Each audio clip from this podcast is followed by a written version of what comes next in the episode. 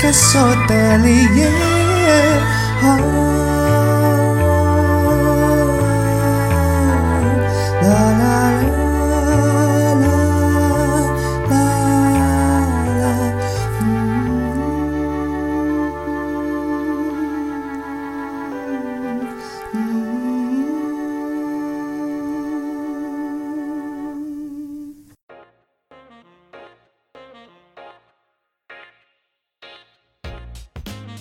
Hey guys, welcome back to my podcast Balada Hotelier Season 2 Ketemu lagi sama gue, your favorite host alive, Romy Romancia Semangat banget kan gue hari ini? Yap, karena gue sekarang bakalan kedatangan narasumber yang energik banget nih, ceria banget dan gaul banget nih ya guys.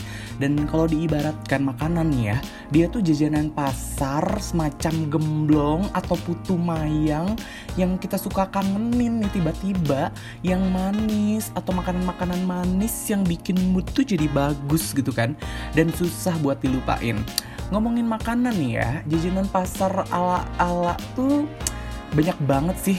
Nggak ala-ala kalau kata gue. Maksudnya jajanan-jajanan pasar tuh banyak banget sih yang gue suka gitu kan. Apalagi yang berhubungan sama aci. Uh, Cimol tuh masukkan jajanan pasar bukan sih? Kayak jajanan SD kan ya. Gue tuh suka banget. Dan salah satu juga kalau jajanan pasar lagi mungkin gue suka banget sama yang namanya Nagasari. Karena itu makanan yang selalu gue pilih nih. Kalau misalnya ada hajatan-hajatan itu ke kece banget sih rasanya tuh dari ada yang dibungkus pisang itu loh. Nggak tau Nagasaki googling aja deh. Ya Allah. Masa sih kayak gitu aja nggak bisa? Biar nanti tahu nih knowledge-nya tuh bertambah gitu kan. Makanan khas Sunda tuh salah satunya. Bahas mau makanan nih ya. Kenapa kita bahas makanan? Karena narasumber kita ini bakalan ngebahas hal yang deket-deket nih sama dunia kulineri. Yaitu uh, dia tuh dulunya anak kitchen gitu kan, anak food production. Dan kita langsung kenalan aja kali ya sama narasumber kita yang satu ini. Check this out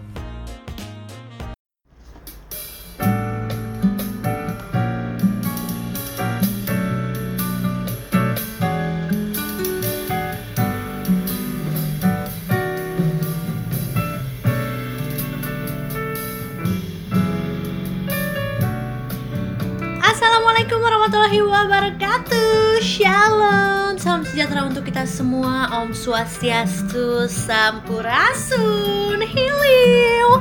Perkenalkan nama gue Helsa Oktaviani. Tapi orang lebih banyak manggil gue Echa Atau Obok Atau Ua Atau Umi Whatever. Senang banget ya hari ini rasanya aku bisa berbagi buat kalian semua yang mendengarkan saat ini.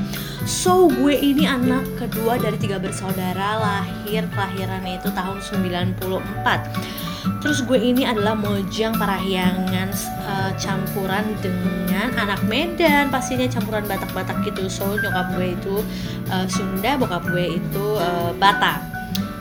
Jadi gini nih teman-teman gue pengen banget berbagi sama kalian gimana sih cerita gue pertama bisa masuk dan uh, sekolah di sekolah uh, perguruan tinggi perhotelan. Jadi gini teman-teman, waktu SMA itu udah zaman zamannya dan waktu-waktunya kita untuk daftar dan menentukan ke mana sih kita harus daftar perguruan tinggi terus uh, apa sih yang harus kita lakukan apa sih sekolah yang bakal kita lanjutin tuh kayak apa gitu. Itu masa-masanya bingung masa-masanya labil ya kan guys menentukan kita bakal lanjut sekolah apa. Tapi guys gue tuh punya cerita kayak dari kecil itu gue tuh kayak punya keyakinan aja gitu kayak uh, gue kayaknya bakal sekolah perhotelan deh. Jadi gini dari gue SMP itu kalau kalau gue pergi ke rumah tante gue tante gue ini rumahnya di daerah Geger Kalong di Bandung. Sedangkan gue rumahnya itu di Kopo. Ya guys jadi kalau gue main ke rumah tante gue yang di mana gue dari Kopo menuju ke Geger Kalong itu pasti lewat ya di bawah tuh ya kan? Borma Ende naik terus ke pertigaan yang di mana sebelum belok kiri itu kan pasti melihat ada kampus besar terpampang nyata ya kan di sebelah kanan ya kan? Zaman dulu itu tulisannya NHI atau singkatannya itu National Hotel Institute. Gue inget banget tulisannya tuh masih kayak gitu NHI National Hotel Institute gitu kan. Nah dari zaman dulu tuh gue kayak kalau lewat situ tuh kayak punya keyakinan aja kayaknya gue nanti sekolah di sini deh. Kayaknya gue pengen uh, kuliah di situ deh. Gue tuh gitu dari dulu kayak pokoknya tiap ke rumah tante gue kalau lewat situ bilangnya tuh kayak gitu nih kampus gue nih nih gue kayaknya sekolah di sini. Gitu tapi kan kayak nggak punya info apa-apa nggak tahu bakal apa-apa gitu kayak tiba-tiba lo ngomong aja kayak gitu. Dan ya balik lagi ke cerita yang di mana gue kelas 3 SMA itu ya kan persiapan menuju ke perguruan tinggi. So gue mencari tahu kan aduh gue mau sekolah apa ya? Atau gue kuliah apa ya? Gitu kan. Ketika teman-teman gue yang lain uh, eh gue mau daftar ke Unpad. Eh gue mau daftar ke Unpar. Eh gue mau kayak merantau deh ke uh, UGM eh gue kayaknya mau ke ini ITB bla bla bla. Eh gue kayaknya mau ini. Aduh. Terus gue mikir kayak ya ampun kalau gue uh, daftar ke perguruan tinggi yang sama kayak mereka gue bakal milih jurusan apa ya? Kayaknya tuh nggak ada yang gue banget gitu. Jadi nih guys ceritanya gue itu adalah perempuan atau wanita yang sangatlah suka jajan yang pertama dan sangat suka makan. Itulah basic hidup gue tuh kayak jajan dan makan itu nama tengah gue kayaknya ya. Itu dari kecil gue tuh suka banget jajan suka banget makan. Dan ditambah lagi nih ya background keluarga gue itu orang-orangnya itu berkecimpung di bidang tata boga nih ya dari mulai nenek gue. Nenek gue tuh kalau masak tuh aduh kayaknya segala bisa dan enak gitu kan. Tante gue tante gue yang geger kalau ini punya catering cuy. Jadi gue kalau tiap ke tempat tante gue kayak lihat gitu kan oh catering tuh seperti ini oh masak atau mempersiapkan makan-makanan untuk event-event besar tuh seperti ini oh barang-barang equipment itu seperti ini uh, utensil tuh seperti ini bla bla bla. Dan nyokap gue juga guys punya catering. Jadi kayak dari kecil tuh uh, nyokap gue bikin makanan untuk uh, pesanan ini pesanan itu. Jadi gue sudah sangat dekat lah dengan uh, bidang tata boga ini ya kan. Dan ditambah lagi gue tuh suka jajan dan suka makan. Jadi gue tuh kayak rasa ingin tahuan tentang makanan tuh tinggi banget gitu. Ah gue pengen cobain makanan ini. Ah gue pengen cobain makanan itu gitu guys. Jadi berujung dengan jajan wae ya kan. Dan dimarahin terus sama nyokap gue karena jajan wae. It's okay nggak apa-apa. Terus kembali lagi nih ke daftar kuliah duh daftar kuliah apa ya ketika teman-teman lain uh, kuliahnya ini dan itu? Terus gue mikir gimana kalau gue kuliah perhotelan aja? Pertama gue suka makan. Yang kedua gue juga suka masak sih sebenarnya. Maksudnya dari kecil tuh gue kayak diajarin nyokap gue terus gue kayak suka aja gitu uh, nyoba-nyobain menu makanan apa terus gue masak sendiri gitu kan. Terus dekat banget gitu dengan lingkungan gue tuh yang kayak sering masak ini sering masak itu. Jadi gue sudah mengenal dari kecil gitu peralatan dapur seperti apa makanan-makanan uh, tradisional itu seperti apa atau makanan-makanan yang lain itu seperti apa. Jadi kayak apa gue kuliah perhotelan aja ya terus gue ngambilnya jurusan yang masak gitu loh ah, udah deh kayaknya gue ngambil jurusan masak. Dan gue tuh kayak inget lagi remind aja gitu kayak oh iya kampus perhotelan yang di Setiabudi itu apa gue daftar ke sana aja ya? Dan nih terus gue mulai dong cari info ya kan. Ke sana ke sini gue cari info ke alumni gue cari info di internet. Oh ini tuh sekolahnya kayak gini yang katanya tuh sekolah perhotelan terbaik di Indonesia loh. Wow kayak ah gue kayaknya makin tertarik nih terus lihat jurusan-jurusannya lihat program studinya nih ada nih tata boga terus diploma cuma tiga tahun gitu kan. Aduh apa gue ambil ini aja ya? Terus kayak duh rasa ketertarikan itu semakin tinggi dan semakin kuat ya kan. Gue semakin mencari tahu lah dan tekad gue kayak semakin berat ah udah deh kayaknya gue fix mau ambil sekolah perhotelan dan ambil jurusan yang masak gitu ya kan. Kan dari kayaknya hal itu yang paling dekat dengan hidup gue dan mencerminkan kehidupan gue gitu ya so jadi gue nggak banyak mikir lagi. Udah gue bilang sama nyokap bokap gue gue bakal ambil sekolah perhotelan yang jurusannya adalah masak-masakan. Adalah tata boga ya kan? Daftarlah pada saat itu ya kan? Uh, ke perguruan tinggi tersebut. Nah, perguruan tinggi tersebut ini adalah yang sekarang namanya itu sudah berubah menjadi Sekolah Tinggi Pariwisata Bandung. Jadi dulu tuh kayak cuma satu gitu kan uh, kampus ini. Tapi sekarang tuh jadi jadi kebagi dua gitu loh guys ada yang negeri dan swasta. Nah yang negerinya ini namanya Sekolah Tinggi Pariwisata Bandung. Dan yang swasta namanya NHI tetap gitu. Jadi tapi setelah gue cari info-info gitu dan orang tuh banyak yang bilang yang bagus tuh yang negerinya yang sekolah tinggi pariwisata Bandungnya. So tanpa mikir panjang lagi dong ya udah deh gue langsung aja uh, pilihnya yang negeri ya kan yang di mana juga yang negeri tuh ternyata bayarnya lebih murah juga pasti dong of course. Dan yang negeri ini STP Bandung ini di bawah naungan Kementerian Pariwisata gitu guys. So gue daftar di STP Bandung ini tanpa gue punya cadangan yang kedua. Jadi gue kayak gak mikir aja gitu kalau gue yang keterima gue bakal kuliah di mana gitu. Nggak ada sama sekali. Jadi kayak gue udah aja pede gue uh, daftar ke SMP tanpa gue punya cadangan lain terus nanya dong bukan nyokap gue lu kalau nggak keterima ntar kuliah di mana? Atau pilih apa? Nanti udah keburu ditutup dong pendaftaran bla bla bla bla bla. Terus gue kayak meyakini diri gue aja kayak gue pasti bisa masuk situ dan gue meyakini bokap nyokap gue gue bakal bisa masuk ke situ. Udah percaya aja tenang aja dan doain aja gitu ya kan. Udahlah gue daftar terus gue cari info sana sini ternyata masuk ke uh, STP ini tesnya melalui empat tes. Yang pertama itu tes tertulis, yang kedua tes psikotes, yang ketiga interview, dan yang keempat adalah tes kesehatan nih. Empat aspek tes ini nih, kalau kalian mau masuk ke sekolah perhotelan, khususnya di Sekolah Tinggi Pariwisata Bandung nih. Udah gitu udah dikasih tanggal, gimana cara uh, dikasih tanggal kapan tesnya dan apa duluan yang harus dilakukan gitu ya kan jadi tesnya ini kalau yang tertulis nih ya yang gue inget itu dulu tes tertulisnya tuh kayaknya dikasih soalnya tuh agak banyak ya kayak lebih dari 30-an hampir 50 lah tes tulis. Dan yang gue inget itu semua soal-soalnya pakai bahasa Inggris. Nah sesudah itu soal-soalnya uh, mengenai apa sih guys? Uh, soalnya itu kalau nggak salah nih ya seputar pengetahuan umum terus ada grammar juga. Kalau nggak salah sih seputar itu ya kalau yang tes tertulis kemudian tes psikotes psikotes ya tau lah ya. Tes psikotes kayak kita ngejawab soal-soal yang uh, berhubungan dengan kepribadian terus kita menggambar juga ya kan? Kemudian tes kesehatan. Nah tes kesehatan ini kayak melingkupi tes urin tes tinggi badan berat badan. Kemudian kayak tes fisik itu dulu tuh ada tes fisik kayak kita dilihat gitu ada tato enggak atau kayak ada bekas luka apa atau apa gitu ya. Mungkin dulu tuh gue kayak nggak tahu gitu apa sih fungsinya? Kayak lu tes fisik gitu kan lihat ada tato nggak atau luka-luka apa. Dulu tuh kayak sama sekali nggak tahu pokoknya ngikutin aja lah ya yang disuruhnya tuh apa kita ikutin. Dan nih tes kesehatan. Dan yang terakhir ini tesnya interview. Nah ini yang paling bikin deg-degan dan takut. Iya nggak sih zaman dulu kayak tuh disuruh interview gitu kayak aduh apa sih yang harus gue persiapin? gitu buat interview. Kayak selama SMA tuh kan kayak yang nggak punya aja bakal itu gitu. Gimana cara interview yang baik gimana cara ngomong yang baik di depan orang gitu kan yang formal gitu. Cari tahu lah gue ya kan ke alumni alumni sebelumnya. Cari tahu di internet gimana cara interview yang baik bagaimana kita cara menjawab yang baik uh, grooming yang baik, greeting yang baik secara em sekolah yang gue daftarin kan sekolah perhotelan ya. Yang di mana kan kita tahu kalau perhotelan itu yang benar-benar well groomed DLL lah ya. Cus, kemudian tes lah gue semuanya ya kan. Tes tertulis lewat, psikotes lewat. Kesehatan lewat, nah interview dong.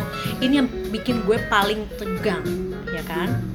Terus gue masuk, gue tes. Kemudian gue dihadapkan dengan dua interviewer Yang gue di mana uh, terbatas banget uh, persiapan gue yang hanya tahu-tahu dari ya orang-orang dan internet-internet yang terbatas lah ya. Terus gue duduklah di hadapan dua interviewer itu dan langsung dihadapkan dengan interviewer yang langsung ngajak ngobrol menggunakan bahasa Inggris. Nah, ini juga poin penting.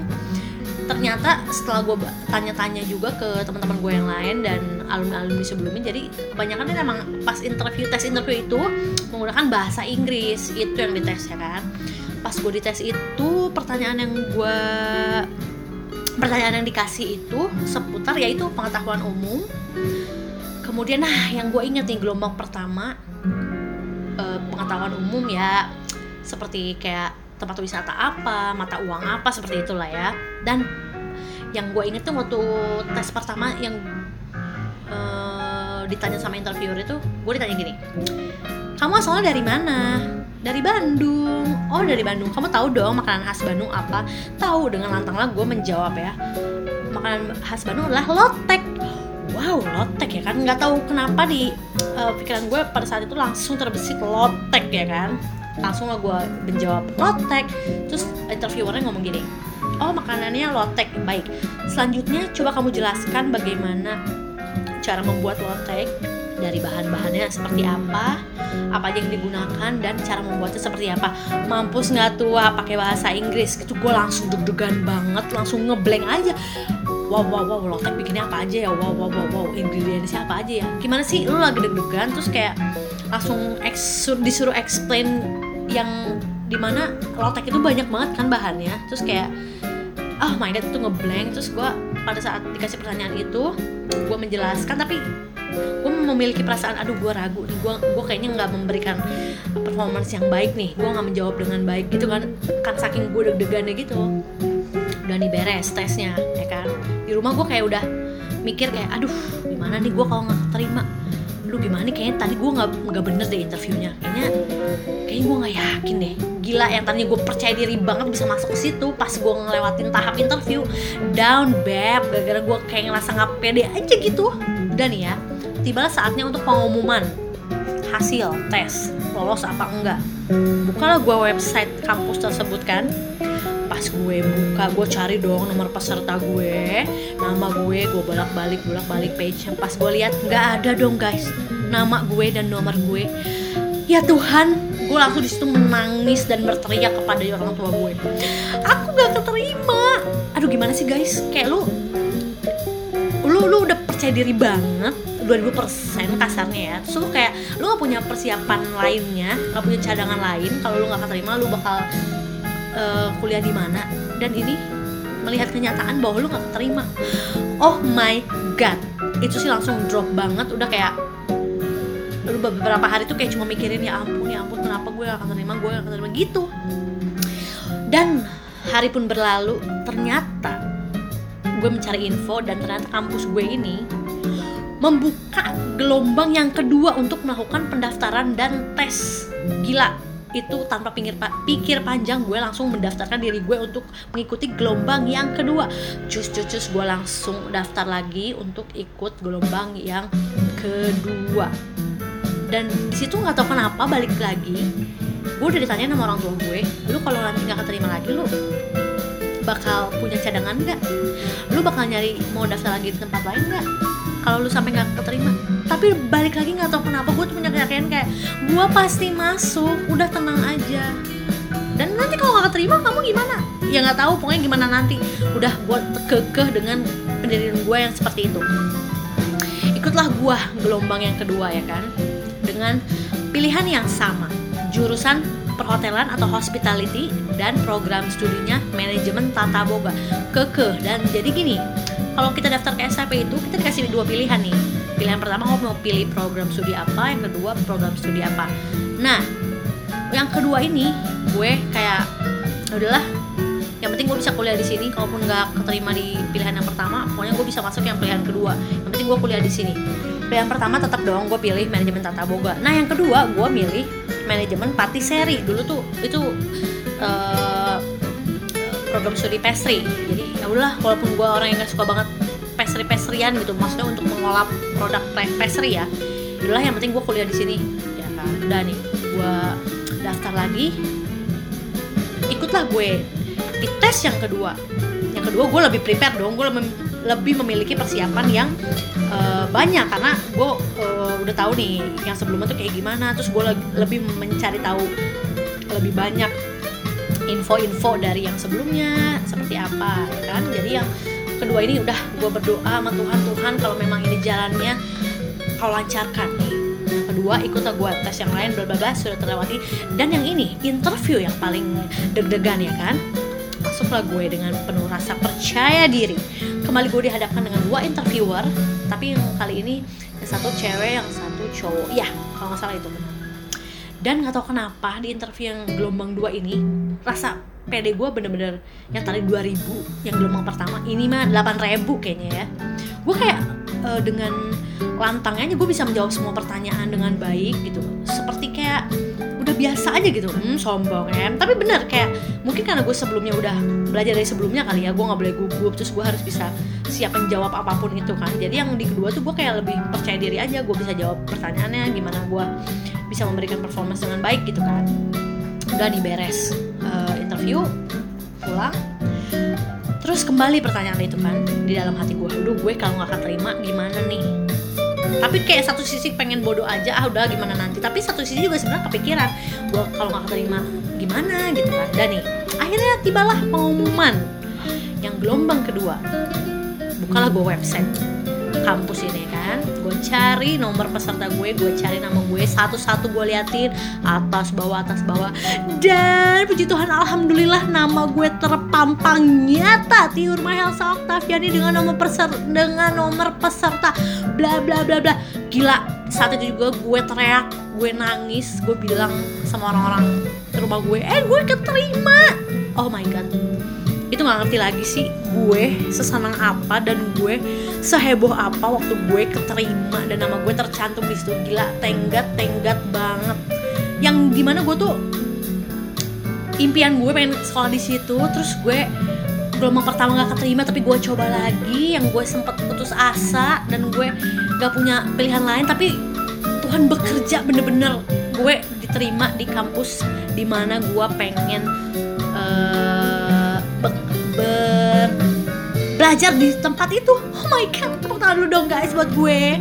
Jadi gitu guys. Akhirnya gue keterima di kampus tersebut dengan jurusan perhotelan dan program studi manajemen tata boga. Terus abis keterima gitu kan ada kayak registrasi gitu loh guys. Gimana eh, cara-cara buat kalian nanti selanjutnya tuh ospek kayak gimana dan kayak gimana. Datanglah gue untuk registrasi tersebut ya kan? Datang gue kemudian pas gue datang itu gue kira ya elah registrasi biasa kali ya cuma kayak eh, ngisi nama dan bla bla bla. Ternyata enggak guys. Jadi pas gue datang registrasi itu udah kayak langsung dihadapkan dengan kakak-kakak kelas yang super rapi well groomed dengan tatapan-tatapan yang sudah agak sangar ya dari ujung kayak kelihatan tuh jalan aja kayak udah wow senyum-senyum tipis dan memberikan alis naik sebelah gitu kan memberikan tatapan-tatapan tajam. Kemudian eh, memberikanlah gue eh, file-file gue ya kan seperti ijazah dan bla bla bla bla kemudian inget banget nih waktu registrasi guys gue duduk di meja yang pertama waktu gue mau registrasi. Terus ada salah satu kakak kelas ini cowok gue inget banget tapi gue nggak mau sebutin namanya. Nanti aja gue mention orangnya sendiri ya biar dia dengerin eh, podcast ini ya. Jadi kakak kelas ini nanya sama gue perkenalan bla bla bla udah lah ya. Terus dia nanya kayak gini pas dia baca ini kan data gue kamu eh, pilih jurusan kamu pilih eh, program studi manajemen tata boga ya? Iya gue jawab gitu kan. Terus kakak kelas ini nanya gini sama gue kamu berarti suka masak? Iya dia dia nanya kayak gitu. Terus eh, berarti kamu de- ke depannya kamu pengen jadi apa atau goal kamu apa? Terus dengan lantang dong gue pengen jadi juru masak. Gue gitu dong ya iya sih apalagi sih lu kalau menjadi eh, kalau lu sekolah masak gitu kan pasti lu zaman dulu yang mikirnya lu bakal jadi chef gitu atau jadi juru masak gitu kan. Dengan lantang gue jawab gue mau jadi juru masak gitu. Terus kakak kelas gue ngomong gini dong kamu mau jadi juru masak? Kamu yakin? Hah? Gue mendengar kata mendengar kata-kata itu kayak gue merasa ah emang gue salah ya ngomong kayak gitu pas gue pikir-pikir lagi bener kan juru masak? Juru masak tuh chef kan? Terus gue kayak udah aja gue ngomong iya benar gue mau jadi juru masak. Gue bilang kayak gitu. Terus kakak kelas ini ngomong kayak gini kamu mau jadi juru masak atau ahli masak? Hah? Di situ dengan kebodohan gue dan mungkin keterbatasan otak gue ini di- di- dikasih pertanyaan seperti itu kayak nah apaan sih bedanya juru masak dan ahli masak? Dan keke gue jawabnya gue mau jadi juru masak gue ngomong kayak gitu. Terus kakak kelas ini ngomong kayak gini dong. Kamu kalau mau jadi juru masak kamu jadi tukang nasi goreng pinggir jalan aja itu juru masak. Tapi kalau ahli masak kamu bakal jadi chef yang sesungguhnya yang kamu bisa mengolah semuanya dengan baik. Kamu tahu knowledge-nya kamu tahu segala eh, bahan-bahannya dan bla bla bla. Gue lupa deh katakan tapi yang poinnya tuh kayak gitu. Oh jadi juru masak dan ahli masak itu berbeza. Menurut si kakak kelas itu beb. Jadi kayak bener sih kalau gue pikir-pikir lagi jadi kayak juru masak tuh kayak hanya hanya hanya kayak sekedar ya lu masak sesuatu bahan dikasih media panas dibumbuin pas lu makan oh ya enak gitu. Tapi kalau ahli masak tuh lu bener-bener tahu bahan-bahannya tuh kayak gimana yang quality bagus apa enggak terus bagaimana cara ngolahnya dengan baik di suhu yang baik misalnya lu bahan-bahan yang lain itu bakal jadi apa terus lu bisa menggunakan alat-alatnya dengan baik kayak gitu. Ternyata ahli masak itu seperti itu. Gue pikir-pikir oh iya juga. Terima kasih loh itu sangat kata-kata yang sangat eh, terngiang-ngiang sam- sama gue sampai hari ini ya kan? Dan nih gue registrasi. Jadi untuk mengetahui gimana nanti ospek ke depannya tanggalnya bla bla bla. Dah tibalah hari gue untuk eh, bukan registrasi sih. Jadi hari ini tuh kayak buat ya bisa dibilang registrasi juga sih. Tapi registrasinya udah kayak mau tahap udah mau ke ospek. Jadi datanglah kita untuk registrasi ini. Yang kedua registrasi yang kedua ini. Jadi kalau registrasi pertama itu kayak lebih ke data kali ya buat uh, biodata file-file apa yang dibutuhin untuk kita kayak ngasih berkas aja gitu. Nah yang kedua ini ada registrasi juga. Jadi kita datang ke kampus terus tapi kayak waktu datangnya nih ya udah ada lagi nih kakak kelas kakak kelas yang siap menghadang kita. Dan gue inget banget pas pertama kali gue datang dengan ya ya gue pakai baju sopan sih. Tapi maksudnya seadanya aja kayak baju inget sih gue pakai baju berkerah gitu. Terus kayak pakai celana jeans kayak sepatu flat shoes sudah aja.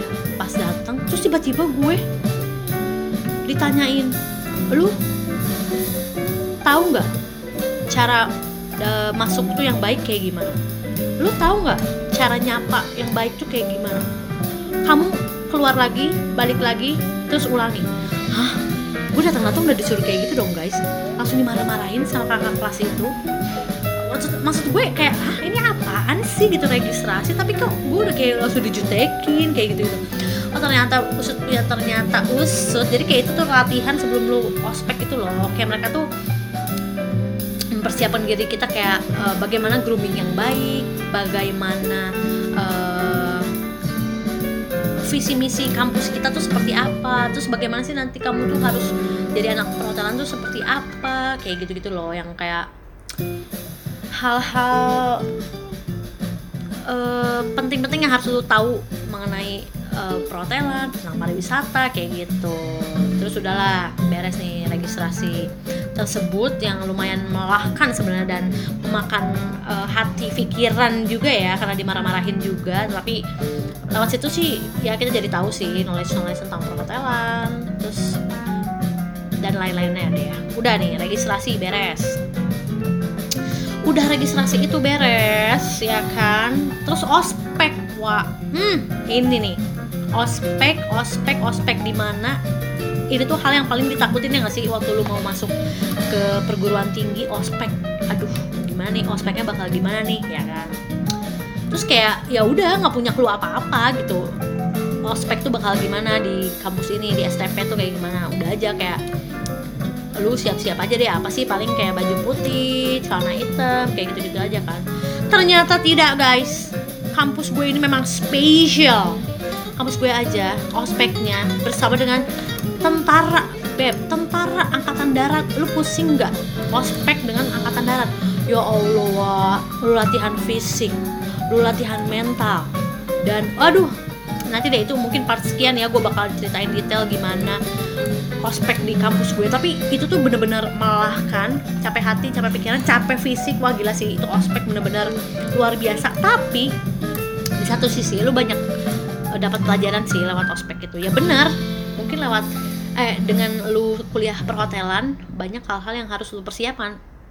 Pertama fisik tuh memang benar. Lu di dilatih bener-bener waktu ospek tuh ya, ya ternyata tujuannya itu. Benar waktu lu nanti eh, jadi anak perhotelan tuh fisik tuh emang harus nomor satu. Lu kalau nggak punya fisik yang baik yang sehat yang kuat khususnya lu anak eh, tata boga ya anak kitchen lu nggak bisa berdiri lama lu nggak bisa kena panas ya kan? Lu nggak bisa angkat yang agak-agak berat yang kayak gitu-gitu loh. Lu nggak akan siap nantinya gitu. Terus kayak lu tiba-tiba dibentak-bentak lu tiba-tiba dimarah-marahin depan muka lo. Apa reaksi yang harus lu lakukan? Ya kalau emosian kalau lu eh, tidak bisa menampung amarah itu kan pasti lu tonjok tuh orang atau lu bales maki-maki kan. Tapi di situ kita belajar gimana caranya menahan emosi bagaimana caranya kita eh, memberikan reaksi itu kalau pada saat orang lain memberikan hal seperti itu gitu sama kita. Dan itu terjadi bener di perhotelan tuh kayak gitu. Gimana kita nanti tiba-tiba dimarahin sama tamu? Apa yang harus kita lakuin? Terus tiba-tiba di kitchen kita dimarah-marahin sama atasan kita. Eh, betapa eh, sedang emosinya kita. Tiba-tiba kita dimarahin terus apa reaksi yang harus kita lakukan? Ya itu bener-bener dilatih. Itu bener-bener kita tuh belajar jadi tahu oh bener seperti ini. Oh ini toh tujuannya. Jadi gitu guys pokoknya aduh indah banget sih sebenarnya perjalanan kuliah gue ini. Banyak banget cerita. Kalau diceritain kayaknya bisa eh, dua hari dua malam di podcast ya. Tapi ya gue share lah beberapa garis besarnya gue bisa kuliah di sekolah tinggi pariwisata Bandung ini gimana caranya gue masuk dan gue bersyukur banget sih gue sekarang bisa lulus dari sekolah tinggi pariwisata Bandung dan sekarang gue tetap masih di track gue. Gue kerja di masih di bidang perhotelan dan kerja di kitchen. Dan gue tahu nih gimana nih harus mengaplikasikan ilmu-ilmu yang telah gue dapat dulu di kampus dengan sekarang di tempat kerja gue. Ya oh jadi seperti ini nih dulu gue belajar ini oh sekarang gue aplikasikannya seperti ini oh dulu gue dimarah-marahin sama dosen gue ternyata tujuannya ini. Oh seperti ini begitu say. Jadi ya suka dukanya. Sebenarnya lu sekolah di sekolah perhotelan sih sukanya nih ya sukanya itu lu lebih lu nggak repot. Yang pertama lu nggak repot buat milih baju wa tiap hari lu mau ke kampus pakai apa? Sekarang lu anak-anak kampus lain lu mau ke kampus tiap hari pusing wa milih baju apa ya kan? Aduh celana jenisnya apa? Aduh kaosnya apa? Hmm tapi sukanya kalau lu sekolah di perhotelan tiap hari pakai seragam. Lu nggak usah pusing ya kan? Lu pakai seragam aja nggak perlu repot tiap hari udah fix pakai baju itu. Sukanya itu. Yang pertama. Terus sukanya lagi kayak di kampus gue itu menyenangkan sih sebenarnya Eh, kelas teorinya menyenangkan kelas prakteknya menyenangkan apalagi ya memang lu suka di bidang itu ya jadi lu pasti seneng lah untuk untuk menjalaninya gitu. Sukanya juga lu jadi punya banyak relasi gitu kan. Tapi ya dukanya dukanya apa ya? Ya dukanya lu lebih lebih harus bisa mengontrol emosi lu khususnya kalau lu di di jurusan gue ya di kitchen ya karena lu waktu praktek tuh wah lu abis sama kakak kelas lu tau gak lu?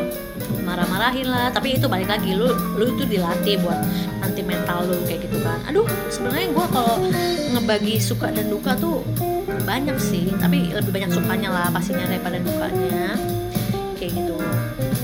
Terus tips nih buat kalian yang mau masuk STP Bandung yang negerinya nih ya buat kalian tips yang pertama sih dari dari gue yaitu lu harus memiliki kepercayaan diri guys. Please please please. Benar percaya diri itu harus nomor satu. Tapi percaya diri itu harus didukung juga dengan kemauan kalian dengan knowledge yang kalian miliki dengan berdoa dan restu dari orang tua itu guys. Please kalian kalian cari tahu lebih banyak info-info gimana cara masuk ke STP terus gimana cara proses eh, tesnya terus bagaimana nanti kuliahnya itu seperti apa terus apa yang harus kalian persiapkan. Itu yang pertama ya cari tahu info yang banyak terus harus percaya diri. Dan eh, sebenarnya bahasa Inggris gue tuh nggak terlalu bagus sih. Cuma ya itu mungkin karena percaya diri itu ya. Jadi lu bisa ngomong dengan lancar dengan baik walaupun misal mungkin grammarnya kurang baik tapi lu pede aja dengan ngomong gitu dan bisa sebenarnya bisa dimengerti. Itu sih kayaknya satu harus percaya diri percaya diri dulu ngomong ya kan? Terutama pas nanti pas tes interview itu. Tapi tetap juga knowledge-nya tuh harus ditambahin tuh buat kalian cari tahu seputar hotel seputar pengetahuan umum seputar program studi yang bakal kalian uh, pilih kayak gitu. So jadi jangan takut buat coba. Please cobain aja. Kalau nggak coba juga akan tahu. Tapi dari awal kalian harus benar-benar tahu dulu nih apa sih passion kalian? Apa sih kemauan kalian? Kalian benar-benar sungguh-sungguh nggak nih? Mau sekolah atau menekuni bidang ini kayak gitu. Tapi pasti kalau benar-benar kalian tekuni dan imani dan lakukan dan dicoba juga pasti adalah jalannya gitu guys. So jadi buat kalian yang pengen coba atau mau masuk kuliah atau lagi milih-milih kuliah mangga dicari mangga dicari tahu infonya seputar sekolah tinggi pariwisata Bandung. Banyak kok nggak cuma uh, jurusan perhotelan ada juga jurusan pariwisata ada juga jurusan travel tour and travel dan program studi yang banyak lainnya. Jadi nggak cuma perhotelan aja. So buat kalian jangan takut mencoba percaya diri nomor satu dan jangan lupa berdoa dan meminta restu kepada orang tua. Kayak gitu guys. Cerita kehidupanku yang sangat kurang menarik ini. Menarik gak sih? Semoga menarik lah ya. Dan nanti di lain kesempatan lagi mungkin kita akan berbagi lagi tentang keseruan hidup menjadi anak uh, perhotelan dan anak uh, tata boga ini ya. Jadi doa gue buat kalian semua sukses yang mau coba kuliah perhotelan jangan takut dan tetap semangat bye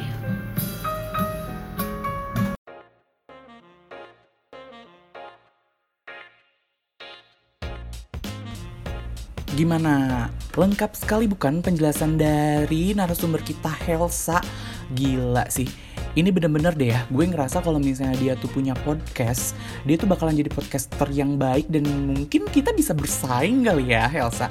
Atau lebih tepatnya jangan bersaing deh. Kapan-kapan kita collab aja nih Helsa, kita live collab berdua bareng, kita bahas hal-hal seru lainnya yang bisa dibahas di podcast Balada Hotelier ini. Dan kenapa nih ya uh, kitchen itu yang cewek-cewek di uh, NHI gitu ya di STP tuh orang-orang itu cepet terkenal. Karena mereka tuh cuma populasinya tuh sedikit guys.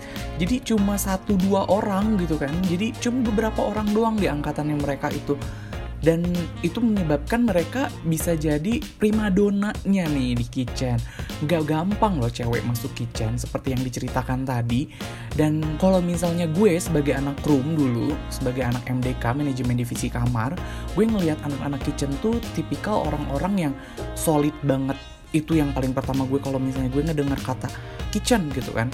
Apa yang lu pikirkan kalau misalnya ngedengar kalimat kitchen itu adalah mereka tuh solid.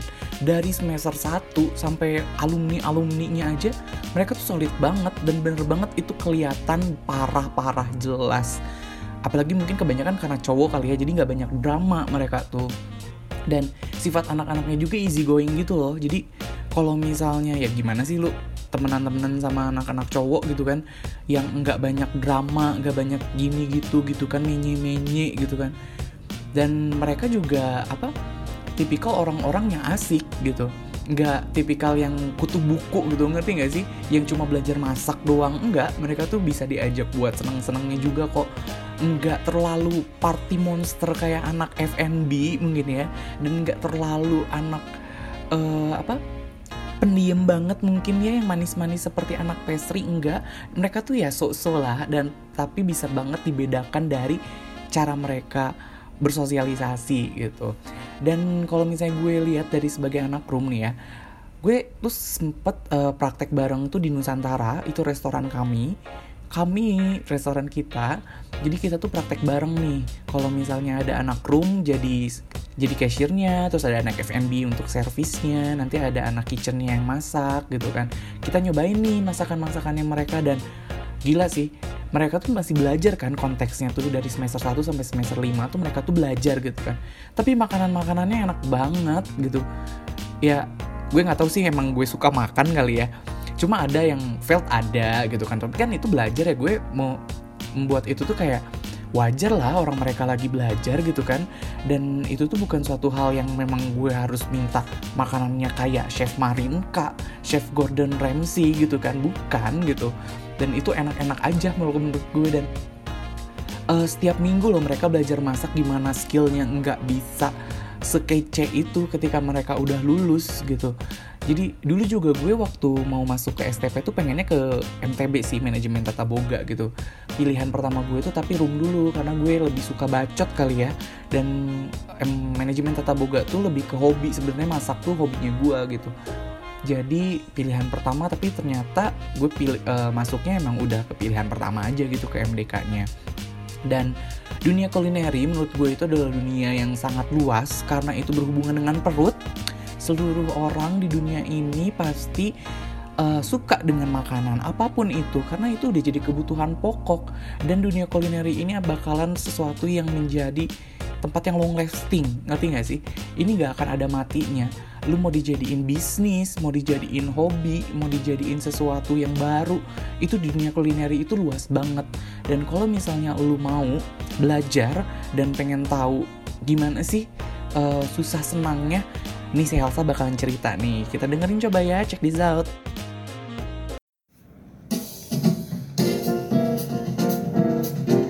Halo, berjumpa kembali dengan gue Helsa Oktaviani di Balada Hotel Liar. Liar pisan, uy. Eh, jargon yang gue bikin sendiri asal-asalan M itu bukan jargon aslinya tenang aja kok. Nanti gue dimarahin sama yang punya podcastnya ya kan? So gue mau ngucapin terima kasih untuk Balada Hotelier kembali memberikan kesempatan buat gue bisa berbagi sedikit dari kisah hidup gue gimana gue mulai uh, terjun nih ke dunia perhotelan. Jadi sebelumnya gue udah sempat cerita dan berbagi nih gimana gue uh, sekolah di sekolah perhotelan kemudian jurusan apa yang gue ambil. Dan sekarang itu gue kerja di bidang apa sih? Terus uh, kerja di mana?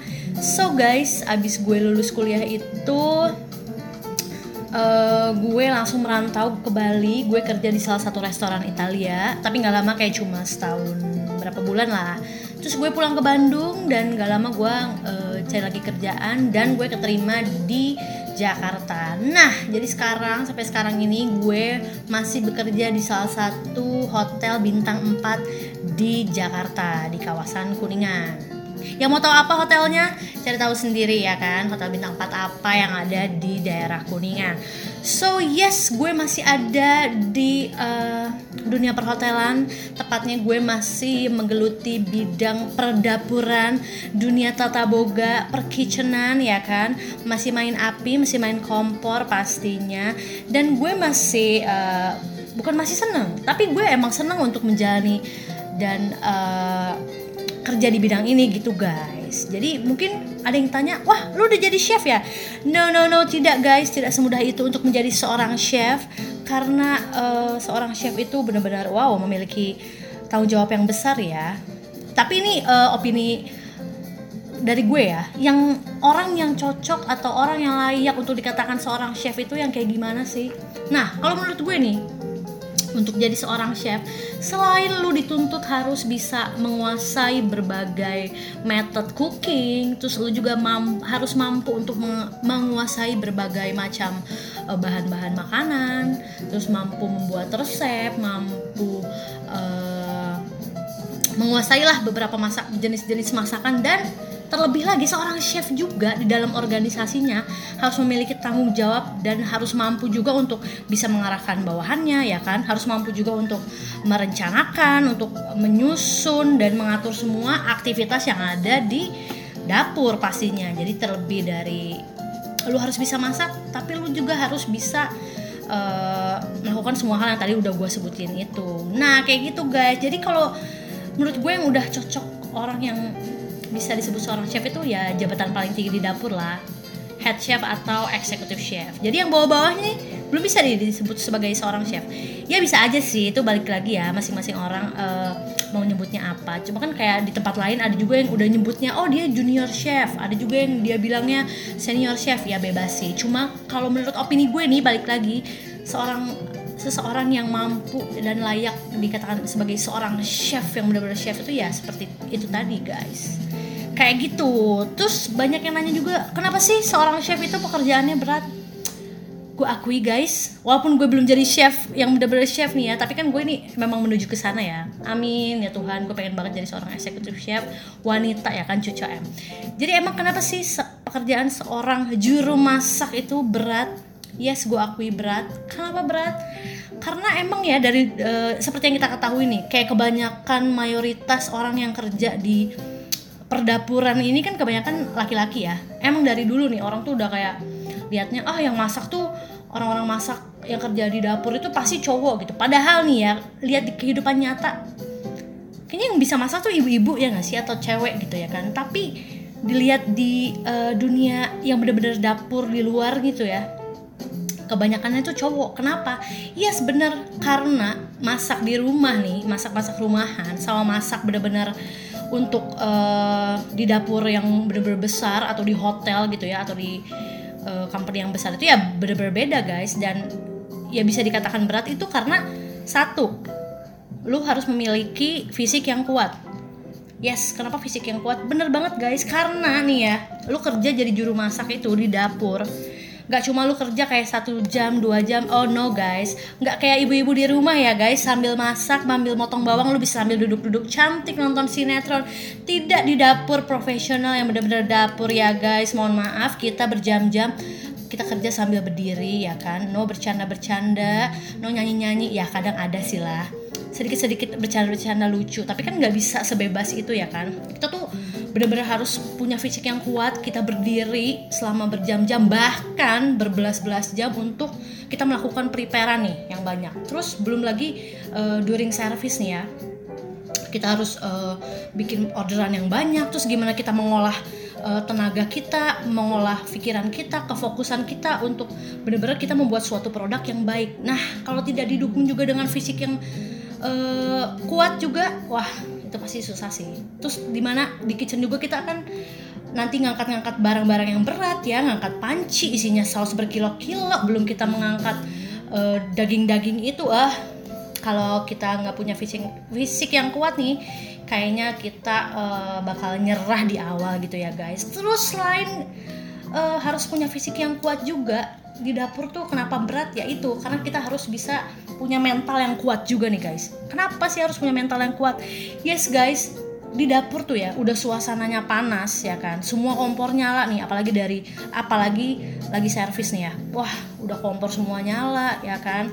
Terus belum kita dapat tekanan dari kanan kiri dari atasan. Wah sambil kita harus uh, bener-bener fokus untuk memberikan uh, rasa yang terbaik, memberikan makanan yang terbaik, tapi kita memiliki tekanan dari kanan kiri. Oh, kalau kita nggak punya mental yang kuat ya guys, pasti kita sudah menangis, kabur dan pulang. Oh no guys, gimana kita disiapkan harus uh, mem mempunyai mental yang kuat.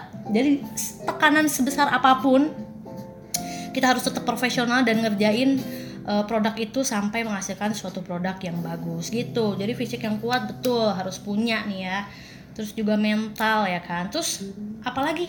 Ya knowledge. Knowledge itu penting juga. Harus kita miliki ya kan? Jadi ya untuk uh, seorang pekerja juru masak ini ya kan?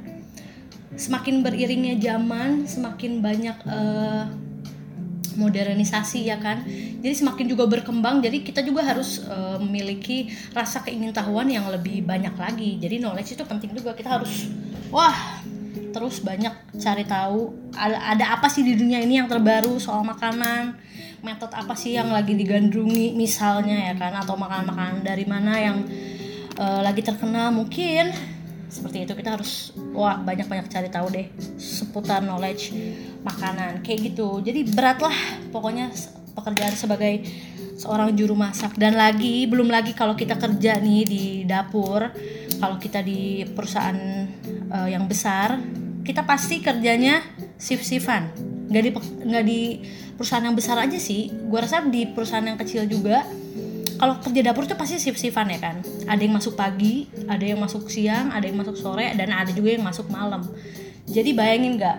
Kalau misalnya masuk pagi tuh kita wah udah kerja berjam-jam segala preparean dikerjain ya kan belum lagi kita harus overtime kayak gitu. Terus yang masuk siang juga preparean terus overtime juga dan masuk sore sama seperti itu. Wah kalau kerja di bidang kayak gini sih pasti banyak overtime ya. Banyak preparean betul sekali. Dan dan belum lagi kalau masuk sore ya kan pulangnya sampai larut malam bahkan sampai subuh itu pasti terjadi guys. Jadi ya banyak juga yang dikorbankan. Mungkin karena kerja shift-shiftan nggak bisa uh, pergi sama teman-teman mungkin pas hari weekend atau nggak bisa janjian sama keluarga untuk uh, pergi makan malam bareng karena kita misalnya lagi masuk shift malam atau uh, hal-hal lainnya ya banyak juga yang kita korbankan. Ya itulah beberapa hal kenapa pekerjaan seorang uh, juru masak itu bisa dikatain berat. Kayak gitu guys. Terus nih tapi seiring ber berkembangnya zaman orang dari dulu kan udah uh, bilang kenapa sih mayoritas banyaknya orang yang kerja di kitchen itu cowok ya kan? Tapi nih makin ke sini sini makin banyak guys. Nggak cuma cowok aja cewek juga bisa menunjukkan kalau cewek itu bisa memiliki kesetaraan dengan lelaki. Kita memiliki fisik yang kuat juga yes. Kita memiliki knowledge yang bagus yes. Kita memiliki mental juga yang bagus yes. Jadi makin ke sini tuh wah keren sih buat wanita-wanita di luar sana. Termasuk uh, diri gue. Memuji M diri gue sendiri karena gue wanita ya kan? Kita bisa menunjukkan kalau wow cewek juga bisa loh bersaing bersama cowok yang ada di luar sana untuk kerja di dapur. Jadi buat kalian cewek-cewek di sana yang merasa minder aduh kayaknya gue nggak mampu deh kerja di kitchen. Karena uh, saing-saingannya tuh cowok. No guys. Kalau kalian memiliki kemampuan-kemampuan tersebut ya di luar kalian udah jago banget uh, misalnya uh, tentang seputar makanan tapi kalian mempunyai hal-hal yang lain tadi itu ah kita bisa banget untuk memiliki kesetaraan dengan laki-laki di kitchen. Gitu guys. Jadi jangan takut buat cewek-cewek di luar sana nih yang ragu takut dikalahin sama cowok. Enggak deh. Buktiin kalau ternyata kita juga bisa memiliki kesetaraan dengan mereka. Gitu. Jadi kalau udah masuk dapur kita udah pakai chef jacket yang sama please udah nggak dibeda-bedain lagi mana cewek mana cowok. Tapi kita buktikan dengan kualitas yang kita uh, berikan. Gitu ya kan? Jadi nolah untuk kita dibeda-beda dibeda-bedain lagi. Terus punya pengalaman pahit nggak selama di kitchen? Hmm, pengalaman pahit ya. Pengalaman pahit sih enggak ya. Cuma kalau di kitchen nih pasti uh, yang namanya kenang-kenangan itu pasti ada dari manakah kenang-kenangan itu tersebut kenang-kenangan itu berasal dari pisau, berasal da berasal dari slicer, berasal dari mandolin. Yes, bekas-bekas itulah yang akan menempel di seputar tangan Anda, seputar jari Anda karena mereka lah yang tiap hari bersama Anda jadi akan memberikan luka-luka gores cinta di tangan Anda gitu ya. Gak pahit sih itu jadi kenangan aja. Oh ini eh, luka yang ini tuh dulu gue kena kompor nih. Oh luka yang ini gue kena mandolin nih. Uh, luka yang ini gue pernah kena uh, parutan misalnya kayak gitu ya kan. Terus gue punya cerita juga kemarin kemarin-kemarin sih berapa bulan yang lalu. Gue pernah nih lagi motong singkong guys. Nggak tahu kenapa mungkin di situ gue lagi emang capek juga. Terus gue kurang fokus jadi si pisau yang gue pegang ini mendaratkanlah dirinya kena ke kulit tangan gue. Dari di kulit jempol antara jempol dan telunjuk gue. Yang di mana tangan gue tergores ya kan? Terus ya gue plester aja sendiri ya kan gak sakit lah gak sakit nggak apa-apa. Terus lama kelamaan kenapa nih luka jadi perih banget ya guys? Terus kayak darahnya tuh banyak banget.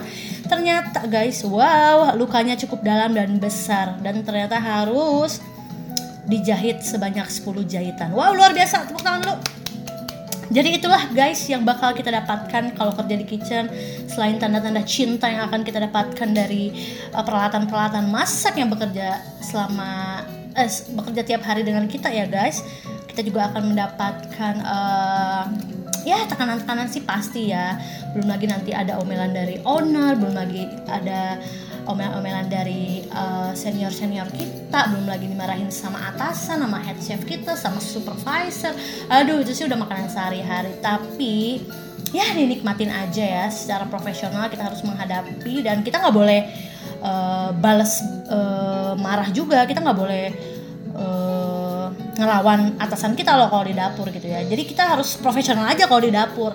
Lu di luar mau benci mau gimana pun sama dia bodoh amat kalau di luar. Tapi kalau di dalam kitchen harus respect ya kan. Gimana pun juga itu teman kita itu, itu gimana pun juga dia atasan kita. Jadi kita nggak boleh untuk ngelawan dia. Kayak gitu. Ya beginilah kerja di kitchen senang, suka, duka, tangisan sudah pasti dilewati setiap harinya. So buat kalian yang penasaran gimana sih kerja di kitchen tuh kayak gimana sih? Sok atau dicobain ya. Mungkin uh, punya bakat memasak, boleh dicoba untuk ikut uh, jalur ini jalur ini jalur apaan say ya boleh dicoba kali mau kuliah eh, tata boga atau mau masuk SMK tata boga atau mau langsung nyobain kerja di dapur sok dicobain biar tahu gimana sih dunia dapur yang sebenarnya itu suka dukanya itu seperti apa kayak gitu say. Nah punya impian lain gak sih selain jadi chef? Gue selain pengen jadi eksekutif chef tau gak sih gue pengen jadi apa? Gue pengen jadi celebrity chef. Eh ya kan? Emang dari kecil tuh gue tuh banci tampil tau gak sih? Jadi kayak mau banget gak sih gue jadi seorang celebrity chef gitu ya? Selain gue emang pengen tampil mulu ya kan? Tapi gue bisa eh, memberikan pelajaran-pelajaran, gue bisa memberikan pengalaman-pengalaman lewat apa yang udah gue pelajari selama ini gitu kan sambil tampil. Jadi itu cocok banget kayak jadi eh, gue jadi celebrity chef ya nggak sih? Cocok nggak sih? Coba pada ini ya DM gue di Instagram gue di @helsaoctaviani cocok nggak sih gue jadi celebrity chef? Aduh gue mau banget sih. Jadi ya itu selain gue pengen jadi eksekutif chef wanita gue pengen jadi juga seorang celebrity chef. Amin doain gue ya guys. Terus apa sih kegiatan gue selain gue kerja juga di hotel jadi juru masak? Kerjaan gue yang lain, aktivitas gue yang lain.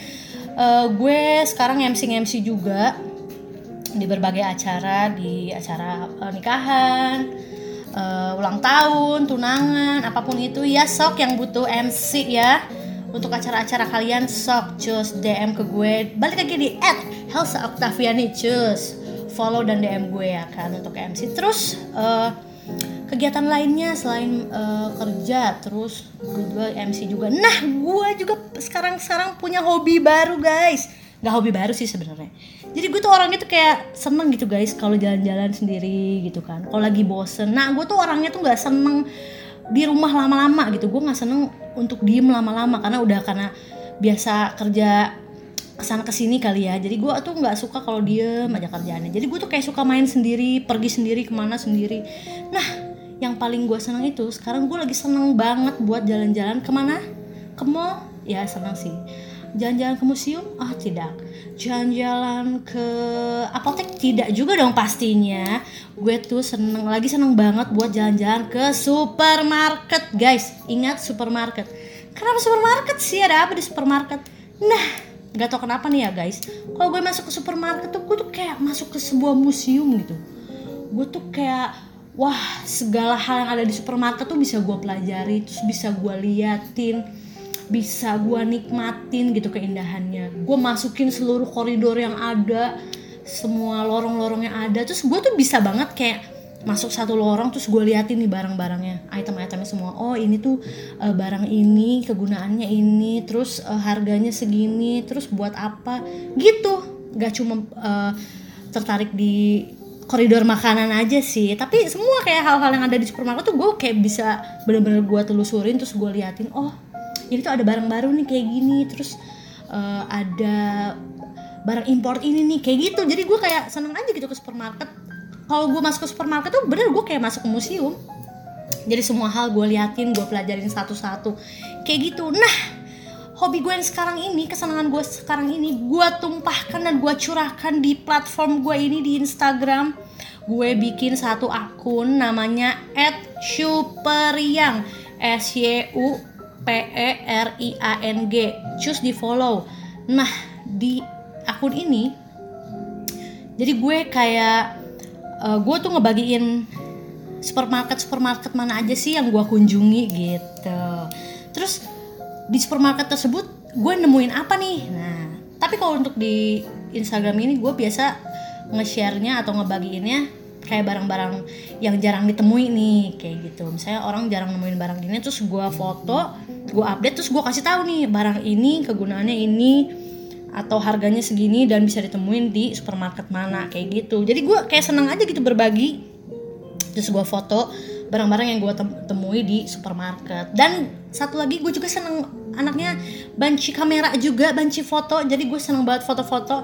Dan di supermarket juga ternyata kita bisa eh, foto-foto dan memiliki gambar yang bagus yang dihasilkan lewat supermarket. Karena di supermarket kan eh, berbagai macam warna ya kan? Berbagai macam background background lucu sebenarnya bisa kita abadikan untuk menjadikan sebuah foto gitu ya kan? Jadi kayak gue juga suka update gitu di eh, akun super yang ini gue foto di supermarket mana gitu kan sambil gue megang produk apa. Aduh kayak pengen di suatu hari gitu ya ada yang endorse gue kayak eh, produk apa terus gue foto di supermarket apa. Udah pengen banget gue. Coba ya eh, pemilik-pemilik perusahaan-perusahaan mungkin yang mendengarkan podcast ini ingin mengendorse gue amin ya Tuhan. Semoga eh, Super yang ini bisa ada yang endorse ya, amin. Seperti itu guys, jadi akun ini mungkin yang kepo pengen tahu kayak gimana Instagramnya boleh di follow dan dilihat di @superyang. Kenapa namanya Superyang? Super Superyang itu artinya supermarket, alah supermarket, supermarket riang. Kenapa? Karena kalau ke supermarket itu hati aku selalu riang gitu loh guys. Aku tuh selalu senang kalau ke supermarket. Seperti yang tadi udah gue jelasin di awal, kayak gitu. Jadi super yang ini punya jargon. Apakah jargonnya? Jargonnya ialah hello. Itulah cara gue untuk menyapa para troli riang yang ada di super yang. Apa sih troli riang? Troli riang itu sebutan untuk teman-teman gue yang hobinya yang mungkin punya hobi sama juga kayak gue suka ke supermarket. Jadi gue sebutnya troli riang. Kenapa troli riang? Karena troli riang gitu kan. Biasanya kan kalau supermarket identik dengan adanya troli gitu ya kan. Kita belanja kan biasanya suka pakai troli buat troli gitu. Jadi kayak lucu deh buat gue namain teman-teman gue ini troli riang gitu guys. Jadi ya buat yang kepo-kepo lihat langsung cus ke at Superiang kayak gitu guys. So kayaknya udah kebanyakan bacot ya untuk uh, kehidup cerita hidup gue ini. Tapi nggak apa-apa gue mau ucapin terima kasih sekali lagi untuk Balada Hotelier untuk kesempatannya. Untuk teman-teman yang lain juga uh, yang mau memulai karir di bidang perhotelan di bidang dapur kitchen semangat jangan patah semangat untuk gue diri sendiri. Gue juga harus tetap semangat karena kita uh, suatu saat bisa ya mencapai apa yang kita cita-citakan. Amin amin banget. So thank you banget buat semuanya yang udah dengerin. Saya Helsa Octaviani bye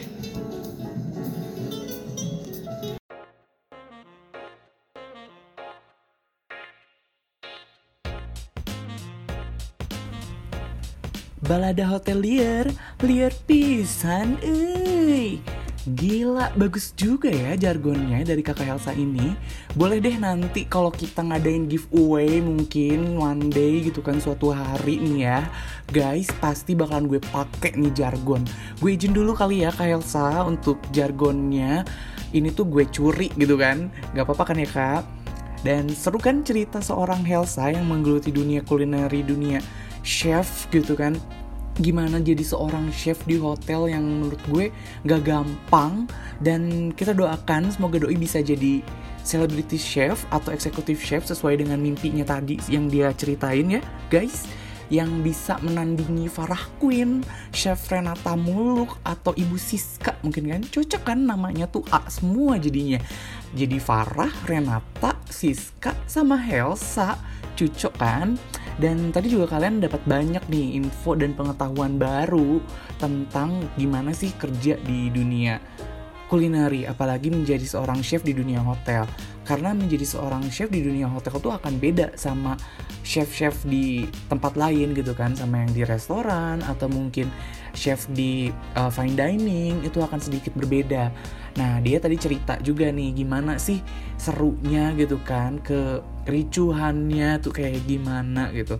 Dan dia cerita juga kenapa sih bisa yang kebanyakan masak tuh atau yang jadi chef tuh kenapa cowok? Ada juga tuh tadi jawabannya gitu di sana tuh karena emang berat, emang diperlukan dengan fisik yang bener-bener kuat, mentalnya juga, knowledge-nya juga dan pengorbanannya. Gila, pengorbanan akan waktu satu dan uh, bukan berarti apa yang gue sebutin tadi empat tadi itu cewek tuh nggak bisa. Tetap bisa kok dan banyak banget uh, chef-chef terkenal gitu kan di luar sana yang bisa membuktikan bahwa mereka itu bisa loh satu derajat dengan chef-chef cowok yang ada. Dan banyak juga nih uh, yang mempunyai mimpi ke sana. Jadi jangan patah semangat nih guys. Karena salah satunya mimpi Helsa juga sangat tinggi banget dan bagus banget. Dia pengen jadi eksekutif chef cewek di Indonesia. Gitu.